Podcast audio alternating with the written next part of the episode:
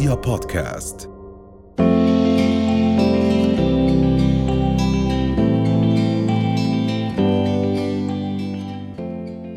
في العديد من الأهالي آه، بيعانوا منه وبالفعل مش قادرين يلاقوا حل ويعني لازم هو بالبداية نعرف وين المشكلة عشان نقدر نلاقي الحل ونصلح هذا الخلل. فبالبداية تحكي لنا عن هذا الموضوع الصراع اللي بيكون موجود بين الأبناء والآباء. شو سبب وجوده وليه هو بيكون موجود؟ آه، بالبداية آه، الأهل آه، عدد يعني إحنا بنحب نحكي للأهل إنه لا يوجد أهل سيئين أو أهل جيدين. المشكلة اللي موجودة إنه الأهل ما تعلموا أو ما تدربوا على الطريقة اللي بيتعاملوا فيها مع أبنائهم أو على طريقة التواصل الفعال خلينا نقول. والسبب إنه يمكن هم تربوا بطريقة مختلفة وزي ما بقول سيدنا علي إنه ربوا أبنائكم لزمان غير زمانكم. فيعني إحنا تربينا بزمان غير الزمان اللي هلأ موجود فيه أولادنا. عشان هيك يعني لازم نكون حاطين في اعتبارنا آه، كيف نتواصل مع أولادنا بطريقة جيدة. فكثير بنقول للاهل إنه في أساليب في استراتيجيات في طرق وأهم شيء فيها المفتاح الرئيسي بهذا الموضوع هو الاحترام.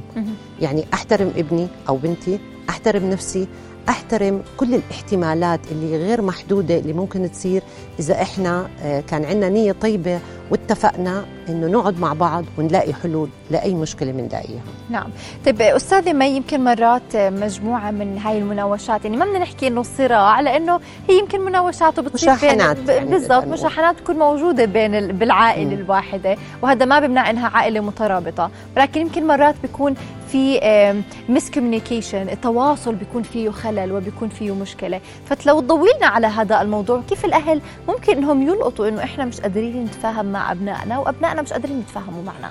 آه، أهم نقطة يعني بقدر أركز عليها إنه آه، الأهل دائما آه، يحاولوا إنهم ما يحلوا أي مشكلة إذا هم شاعرين إنه هم آه، معصبين كتير أو بلحظة هيجان لأنه هون بيفقدوا القدرة على إنهم يحكوا أو يتصرفوا بطريقة منطقية أو حتى إذا كان ابنهم برضه بحالة عصبية. آه، يعني فاير كتير أو معصب كتير. تاني نقطة آه، يعني فلازم نهدى شوي عشان تصير أفعالنا هي أفعال مش ردود أفعال. لأنه ردود الأفعال إذا كانت عصبية كتير آه، بتنفقد الفرصة بأنه نتواصل مع أولادنا بطريقة كويسة. تاني نقطة أنه دائما أنه نفصل طفلنا عن المشكلة أو السلوك. يعني أنا ما بقول لابني أنت عصبي أنت فوضوي أنت فاشل. بحكي له أنا ما عجبني أنك عملت واحد اثنين ثلاثة أو أنا غير راضية أو أنا مش موافقة على هذا التصرف. فهون بنفصل ما بين الطفل وما بين آه، السلوك اللي هو سواه. هاي كبداية يعني هاي لازم تكون نقطة البداية. تاني إشي يعني آه، أي مشكلة أو, أو, أو أي موقف نتعرض له لازم يكون في خطوات للحل. لازم نحكي عن مشاعر أولادنا. يعني أفهم ابني إيش ماله. شو مضايقه؟ ليش زعلان؟ معصب؟ شاعر بالظلم؟ آه، في حدا عم بضايقه تاني نقطة ضروري يعرف أنا شو مشاعري. يعني أنا كأم أو كأب شو مشاعري؟ يعني أنا رح أتعب كتير إني أرتب من وراك أو أنظف. أنا رح أتحمل مسؤولية كبيرة أو حضيع من وقتي كتير عشان أعمل لك واحد اثنين ثلاثة. فيعني لما يعرفوا الأولاد شو مشاعرنا إحنا ويعرفوا إنه إحنا تفهمنا مشاعرهم وصلنا لنص المشكلة. هلأ الخطوة الثالثة إنه لازم نقعد معهم ما نطرح إحنا الحلول. اعمل هيك سوي هيك. لما يشعر إنه هو جزء من الحل ببلش يفكر معنا بنقعد مع بعض تعال نحط حل لهاي المشكلة. مو غلط ابدا إنه نجيب ورقة وقلم ونكتب كل الاقتراحات اللي بتخطر على بالنا واللي بتخطر على بال أولادنا. بدون أي تقييم بهذه اللحظة يعني بدون ما أقول له لا هذا الحل مش عجبني أو هذا ما بيزبط. بنحط كل شيء وبعدين نيجي بنقيم هذه الحلول. وبنختار الحل اللي بيناسبنا إحنا وبناسبهم هم. نعم. يمكن بس هاي النقطة اللي عم تحكي عنها أستاذة مي بحاجة لأنه الأهل يكون في عندهم حسن استماع للأبناء وأخذ وعطاء وهاي مهارة. يمكن مش كل الأهالي موجودة عندهم ولكن ممكن أنهم يكتسبوها بعد خبرة طويلة. تحكي لنا أيضا عن هذا الإشي. يعني لما بنقول مهارة الاستماع كتير هاي يعني نقطة مهمة. ليه؟ لأنه أحيانا كتير أو بالغالب إحنا بنسمع لأولادنا وإحنا عم نفكر كيف بدنا نرد عليهم. يعني ما بنكون عم نسمع لهم لحتى نسمع لهم. بنسميها الإنصات. يعني أنا بدي أسمع لابني عن جد أو بنتي ما بدي أكون عم بفكر كيف بدي أرد عليه. نحط في بالنا دائما إنه إحنا مش بمعركة. مش بالضرورة إنه يكون فيها منتصر يعني إنه مش بدنا ننتصر عليهم. ومش دائما بالغالب إنه إحنا كبالغين عندنا الجواب أو عندنا الحل الصحيح. أحيانا بتيجي الحلول منهم. ودائما أنا بحكي للأهل لا تقدموا حلول.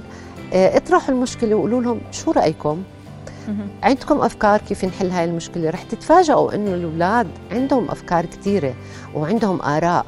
وبعدين بعد ما نسمع لآرائهم بنفندها بنصير نقول هذا بيناسبنا هذا ما بيناسبنا أو نوصل لحل وسط بيكون مرضي لكل الأطراف. الحلو بالموضوع إنه هون في احترام وفي ثقة وفي بناء قنوات تواصل. يعني بيعرفوا أولادنا انهم بيقدروا يرجعوا لنا بأي مشكلة. نعم. يمكن هذا الموضوع دائما بنركز عليه موضوع التواصل مش بس حتى بين الأبناء والأهالي كمان بمختلف العلاقات العامة موضوع الكوميونيكيشن كثير ضروري بنكون في عنا هاي المواهب عشان نقدر نتعامل مع الناس. كمان بدنا نحكي عن ذكرتي موضوع بإنه ما نتعامل مع الابنائنا أو ما ناخذ قرارات وإحنا منرفزين معصبين متضايقين مشحونين. فقد إيه مهم كمان إنه نسيطر على انفعالاتنا قدام أبنائنا لأنه إذا أنا تعاملت معهم بهاي الطريقة فهم رح يعتمدوها هي كأسلوب اسلوب ويتعاملوا. معي وتعمل صراعات يمكن أو مناوشات أكبر. بتحكي لنا أكثر يعني زي ما حكيتي إنه آه، في مهارات معينة. من هاي المهارات كمان إنه آه، حلو إنه لما نقعد نحكي مع أولادنا يعني نخصص وقت خصوصي إنه إحنا نقعد نحكي مع أولادنا. آه نسمع لهم نشوف شو مشاعرهم بايش بفكروا نحفزهم. دائما نحكي عن ذكاءاتهم عن مبادراتهم عن حسهم بالمسؤولية عن حسهم الفكاهي عن قديش هم بيحبوا يساعدوا الناس الثانيين نحاول نخلق جو عاطفي يخلي اولادنا يستجيبوا لنا مش من منطلق الخوف من العقاب أو من الحرمان أو إنه نعصب عليهم من منطلق إنه هم بيهتموا بحالهم وبيهتموا فينا. آه، آه، إحنا لما يعني دائما بنكونوا معصبين أو بنفرض عقاب أو كذا بنحرم اولادنا من فرصة يعني داخلية جواتهم إنهم يبنوا مهارة حل المشكلات. هلا هاي المهارة لما إحنا بنأسسها معهم وإحنا معهم ضمن الجو الأسري أو العائلي وهم بيقدروا يرجعونا لنساعدهم. لكن هاي المهارة بتخدمهم زي ما قلتي بالمستقبل كيف يحلوا المشاكل اللي بتواجههم كيف يتعاملوا مع سوء السلوك لأنه كل بني آدم أحيانا بيخطأ.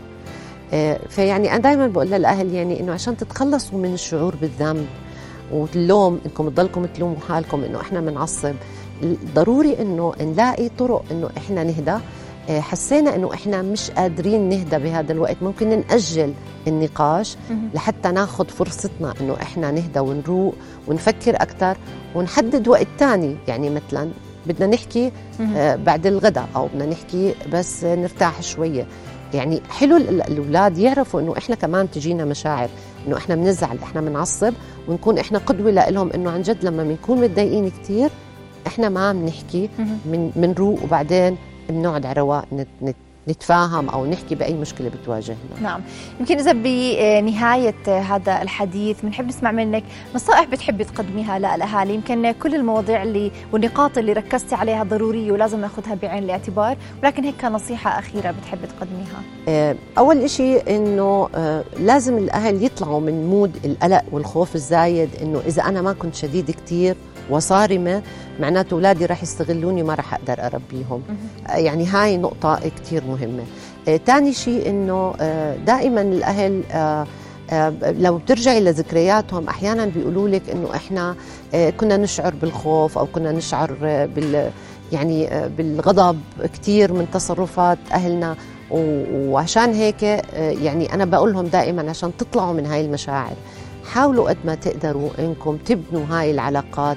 التواصل المبني على الاحترام أحترم حالي أحترم اولادي أحترم قديش أنا بقدر أطلع ببدائل وإنه هذا الطفل عنده عقل مختلف وشخصية مختلفة وأنا بقدر أستفيد منها وأستغلها إلى أبعد الحدود. نعم. مهم إنه يكون الجو العائلي اللي بالبيت يشجع الأطفال على إنهم عن جد يتعاونوا معنا. مش يشجعهم على إنهم يصيروا بدهم ينتقموا مثلا أو يشعروا بالغضب أو يشعروا بالذنب أو الانطواء. كل هاي المشاعر آه، ما بتعزز آه، أي حل للمشاكل. نعم. رؤيا بودكاست.